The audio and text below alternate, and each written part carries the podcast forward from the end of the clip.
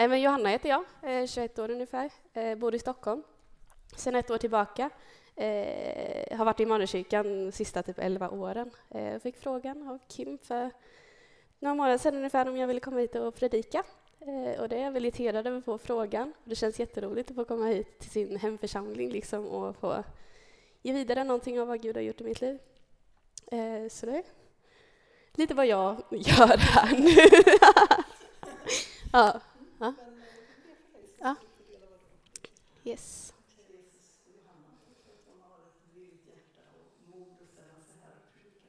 Mm.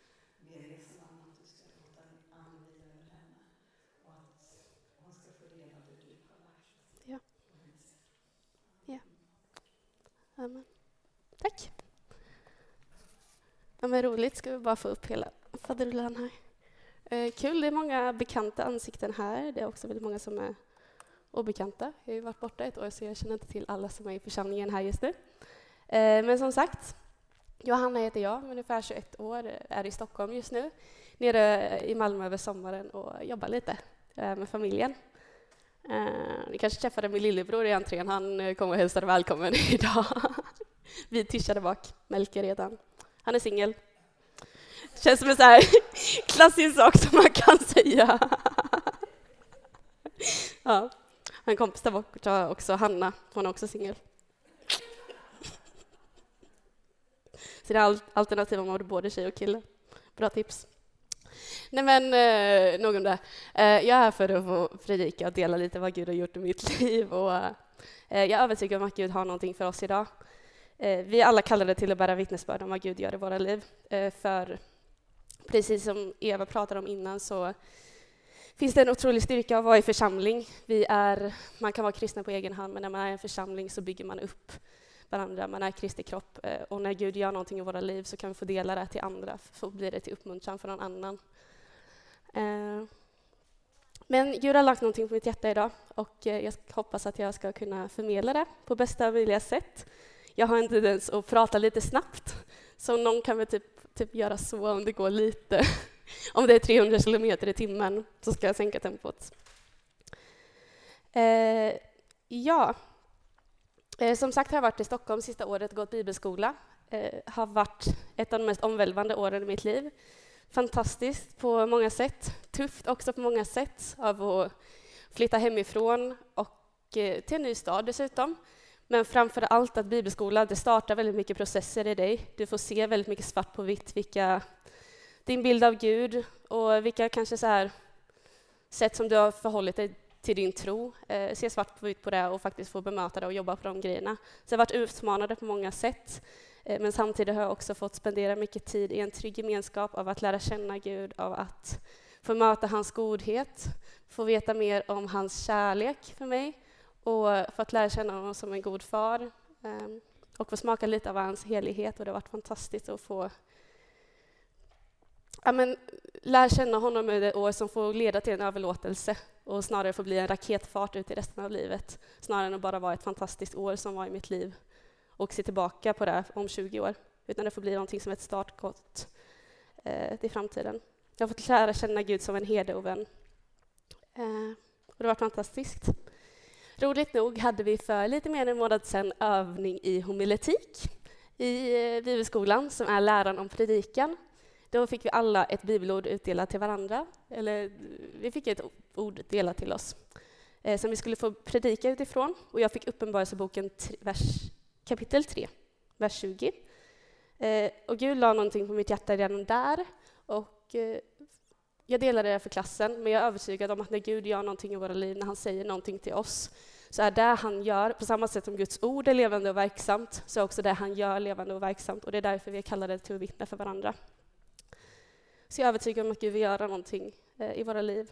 Eh, vi kan läsa Hebreerbrevet kapitel 4, vers 12. Jag tror det kommer på skärmen här. Annars om ni har er bibel, eller er mobibel, som den nya generationen har tagit in i världen, så får man gärna ta upp den. I Hebreerbrevet kapitel 4, vers 12 står det Guds ord är levande och verksamt. Det är skarpare än något tveeggat svärd och genomtränger tills det skiljer själ och ande, led och märg, och det dömer över hjärtats uppsåt och tankar. Eh, jag kommer inte predika utifrån det här, men jag tycker att det är en god vers att påminna sig om varje gång man hör en predikan, varje gång man hör från Guds ord, och faktiskt bygga en förväntan av att Gud vill göra någonting här och nu. Han gör inte någonting på specifika tillfällen, utan han vill göra någonting i oss hela tiden. Han är en Gud som vill ha närhet till oss, ha en relation till oss och vara en del av vår vardag.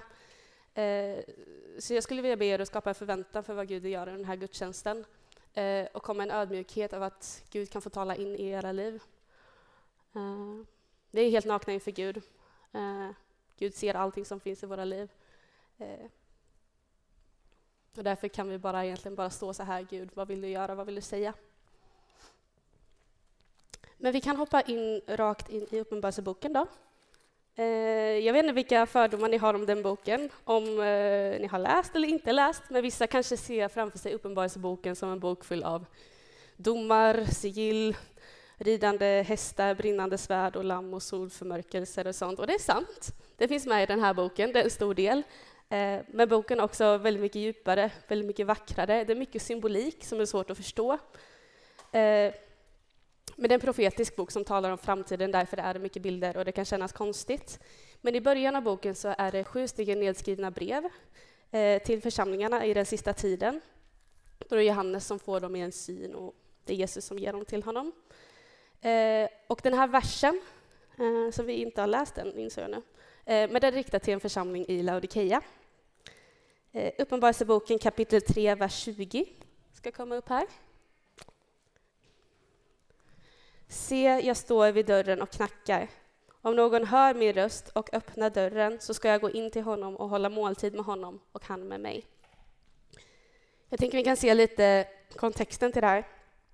Det är skrivet till en församling i Laodikeia.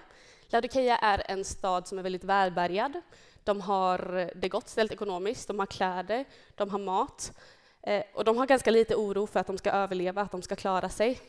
Um, men i sitt välstånd så sätter de väldigt mycket trygghet i de här sakerna till sin ekonomi och de blir ganska blinda, förblindade av sin rikedom och de tänker att de har allt och behöver ingen hjälp alls. Och det strider ganska mycket för vad Gud kallar församlingen till att vara. Han kallar oss till att vara salt och till att vara ljus och till att sätta vår trygghet i honom. Så Jesus bemöter församlingen i brevet och han säger till dem att eh, de är andligt fattiga.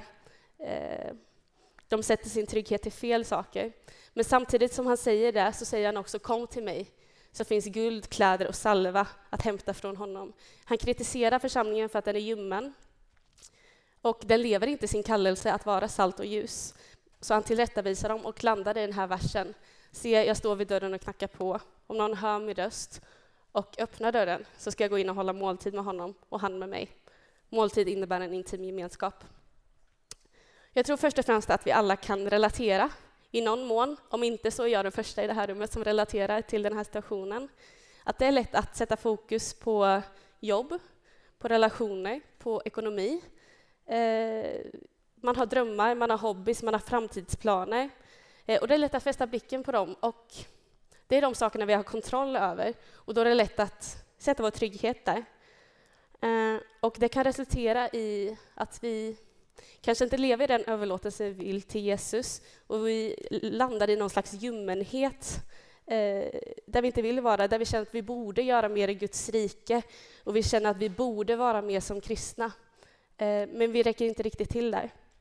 Också här i vår vilsenhet, vilsenhet, där vi känner att vi kan ha fokus på fel saker, så söker han upp oss, han knackar på vår dörr och väntar på att någon ska öppna. Eh, för om någon hör hans knackning och om någon öppnar dörren så finns det ett löfte om gemenskap med Jesus. Vi ska dela upp den här versen i två delar. Eh, den första, att höra knackningen och att öppna dörren. Det var lite ljudeffekter. Eh, eller att höra vad Jesus säger och att agera på vad han har sagt. Så att höra Jesu röst, att höra vad han säger, eller att öppna, och att öppna dörren att agera på vad han har sagt. Så två delar här. Eh, att höra Jesu röst är någonting som vi förmodligen har olika bakgrund till. Man kommer från olika sammanhang eh, där man betonat det profetiska och att höra Jesu röst olika mycket. Eh, vi kan ha olika erfarenheter. Vissa kommer med viss besvikelse av att de känner att jag hör inte Gud tala i mitt liv. Och vissa kommer med en kärlek för det, för den ömmaste rösten man någonsin har hört. Eh, men i alla de här bakgrunderna som vi har så finns det att Gud vill tala till sin församling. Han vill tala till sina barn. Hela Bibeln är egentligen ett kärleksbrev till sitt folk av att Gud vill vara med oss. Han eh, sätter Jesus på Golgata och Jesus offrar sig för att vi ska kunna komma nära Gud. Gud vill ha gemenskap med oss och han vill tala till sin församling. Vi behöver lära oss att höra honom genom bruset av våra liv.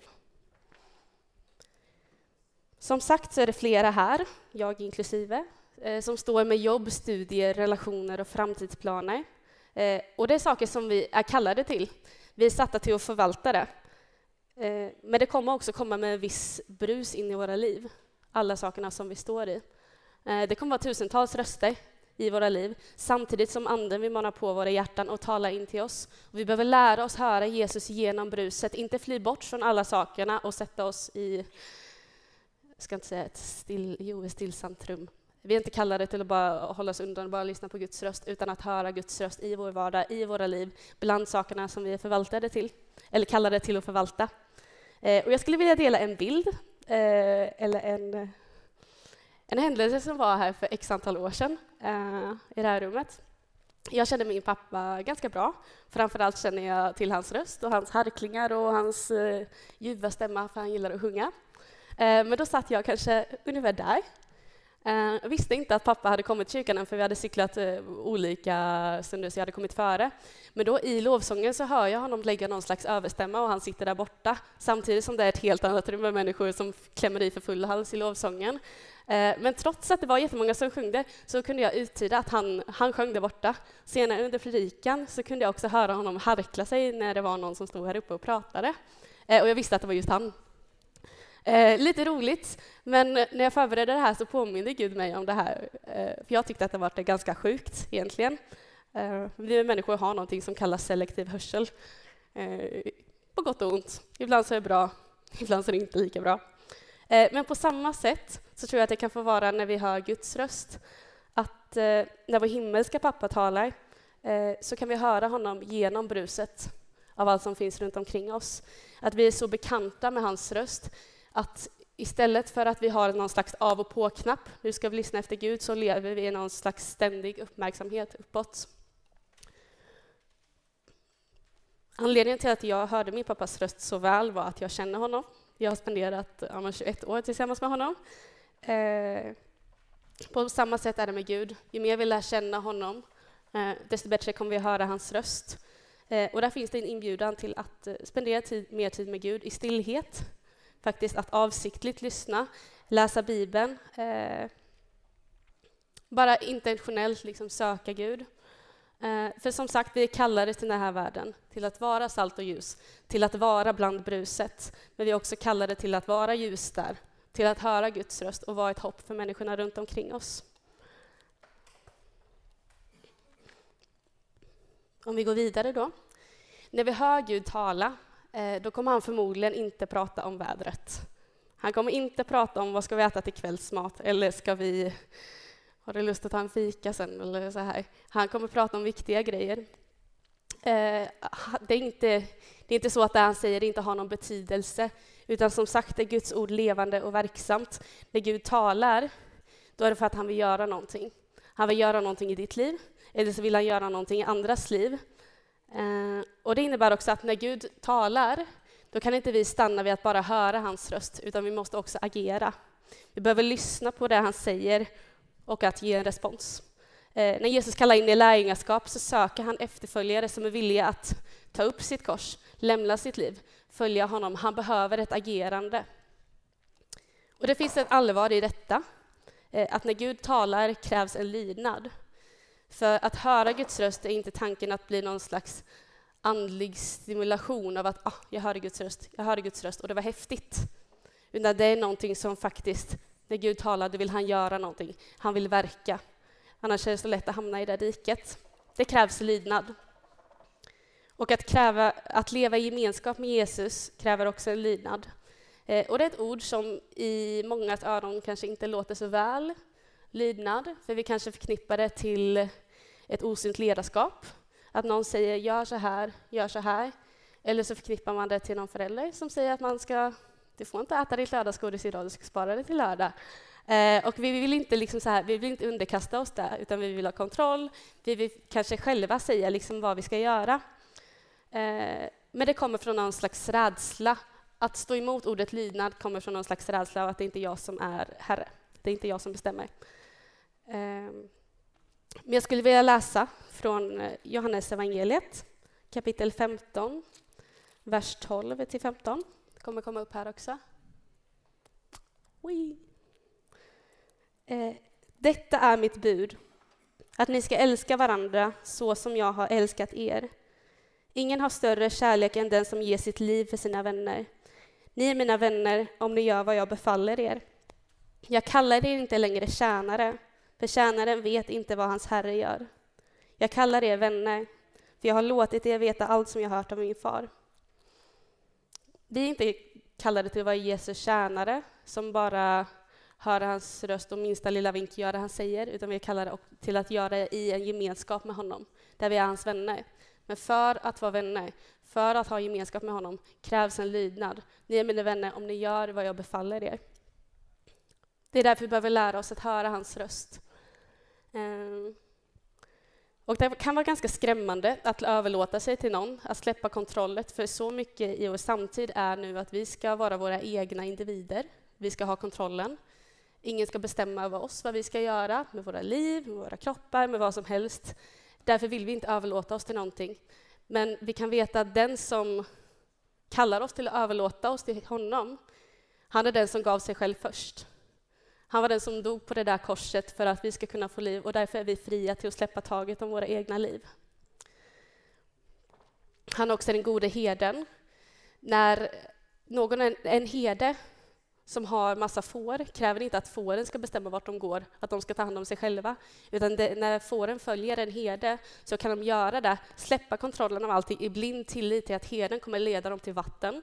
Han kommer leda dem till gräs där de kan beta, han kommer ge dem mat, han kommer vårda dem, han kommer ge dem salva när de skadat sig. Och på samma sätt är det med Jesus. Han är den gode herden, därför vet vi vem vi kan överlåta oss till. Vi vet vem som vi överlåter oss till och det är någon som vill det bästa för våra liv. Så att leva ett liv som Jesu lärjunge kostar alltid någonting, för det behöver komma ut. Vi behöver ge ut någonting. På samma sätt som man alltid går och, och köper någonting så ska vi alltid ge pengar. Det kostar någonting. Om vi ska eh, göra någonting som kräver energi, då kostar det energi. På samma sätt, om vi ska vara lärjungar, då kommer det kosta någonting. Och det är vårt egna liv. Eh, det är ingenting som är billigt, det är ingenting som är enkelt, men när Jesus kallar in i lärjungaskap så är det egentligen en inbjudan att dö till sig själv. Och därför att lärjungaskapet inte är för att vi ska rädda oss själva och göra det så säkert som möjligt, för det gjorde nåden på korset. Nåden frälste oss, nåden räddade våra liv och därför är vi fria om att släppa greppet om våra liv. Så kallelsen in i lärjungaskap ligger att Jesus, det Jesus gjorde på korset får omvälvande effekter i våra liv.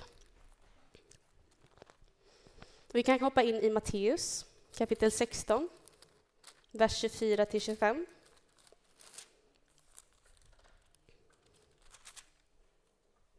Gött med bibelord, va? Där säger Jesus, Jesus sa till sina lärjungar, om någon vill följa mig ska han förneka sig själv, ta sitt kors och följa mig. Den som vill rädda sitt liv ska mista det, men den som mister sitt liv för min skull ska vinna det. Så det är en kostnad, och det är kostnaden av våra liv. Att dö till sig själv, att släppa greppet om sitt eget liv och ge det till Jesus. För det vi ger till Jesus, det kommer han inte bara släppa ut till intet, utan det vi ger till honom, det kan vi också lita på att han håller. Eh, jag minns, jag blev påmind faktiskt igår, eh, för ganska många år sedan nu så visste jag att jag ville lita på Gud. Och alla sa det, lita på Gud. Förtrösta på Herren, han ska ge dig vad ditt hjärta begär. Lita på honom, lita på honom. Och så kände jag, ska jag lita på Gud bara för att han säger till mig att jag ska lita på honom och för att alla andra säger att jag ska lita på honom? För tillit kräver att man känner någon. Du kommer inte bara se en främling på stan och jag litar på dig från ingenstans. Det kanske finns någon slags allmän moral, objektiv moral såklart. Men att lita på någon, det kräver lite mer resa. Eh, och jag brottades väldigt mycket med det. Hur kan jag lita på Gud? Eh, och det han sa till mig där är att eh, smaka och se. Eh, våga gå med mig, våga bjuda in mig, våga se att jag håller, eh, våga lämna saker i mina händer. Och det har fått leda in i att våga också ge ditt liv, eh, våga överlåta dig själv. Och det är inte en slags andlig martyrdöd som vi pratar om och inte någon självutplånande död där vi ska ta bort så mycket av oss själva som möjligt. Eh, och det är inte någon slags självspäkande död heller, utan det är bara, inte så pass simpelt är det inte, eh, men att abdikera från tronen i sitt eget liv och säga att det är Jesus som är Herre och Gud. Att lägga ner sitt liv för honom med sina drömmar, mål och visioner. Eh, och vad jag har fått lära mig är att det är inte ett engångsbeslut. Det är någonting som eh, eh, kan hända på något kvällsmöte, det kan hända på gudstjänst och där, men det händer framför allt varje dag. Det är en daglig överlåtelse att be ske din vilja och inte min Gud. Och det är, det är något av det främsta som Gud har gjort i mitt liv under det här året. Eh, han har kallat mig till att lägga ner mina drömmar, mina rädslor, mina gåvor som jag har fått av Gud och mina livs, alla mina livsstationer. Han har bett mig att släppa kontrollen, släppa rodret, så att säga, vart det ska ta vägen och för att bjuda in honom till att vara Herre där. Han har eh, bjudit in mig till att eh, gå på vatten, att testa, smaka och se om Gud håller. Eh, och det gör han. Och det gör han fortfarande. Eh, jag har fortfarande saker i mitt liv som jag lär mig släppa till Gud. Och det är läskigt. Men jag har fått lära mig att det inte är engångshändelser utan en daglig överlåtelse, att det ligger i Guds händer. Eh, och det har blivit en ständig bön att Gud ska få vara första begäret i mitt liv så att jag prioriterar honom högre än de andra sakerna som är i mitt liv. Ett av bibelorden som jag har fått stå på under det här året är Psaltaren 37, vers 4. kommer också komma upp precis bakom mig här. Faktiskt ett av de bibelorden som jag har brottats som mest med under hela mitt liv. Eh, Eh, nu tog vi med versen innan där. Ja, Lita på Herren och gör det goda. Bo i landet och lev i trofasthet. Ha din glädje i Herren, så ska han ge dig vad ditt hjärta begär.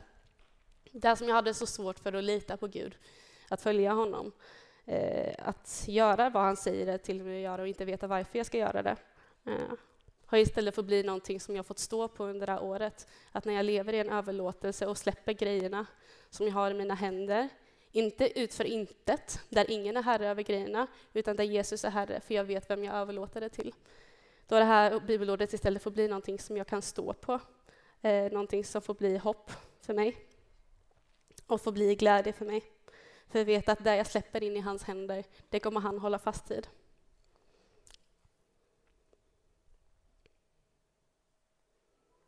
Nu har vi inte tagit upp bibelordet här eh, på väggen, men eh, i versen efter så står det anförtro din väg åt Herren och lita på honom. Han ska göra det. Han ska låta din rättfärdighet gå fram som ljuset, din rätt som middagssolen. Var stilla inför Herren och vänta på honom.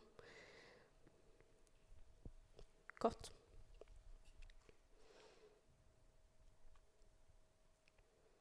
Så vi kallar det till att höra Jesu röst genom bruset, Eh, vi är kallade till att leva i en ständig, ständig vardaglig relation till honom, där vi lever i gemenskap med honom helt enkelt.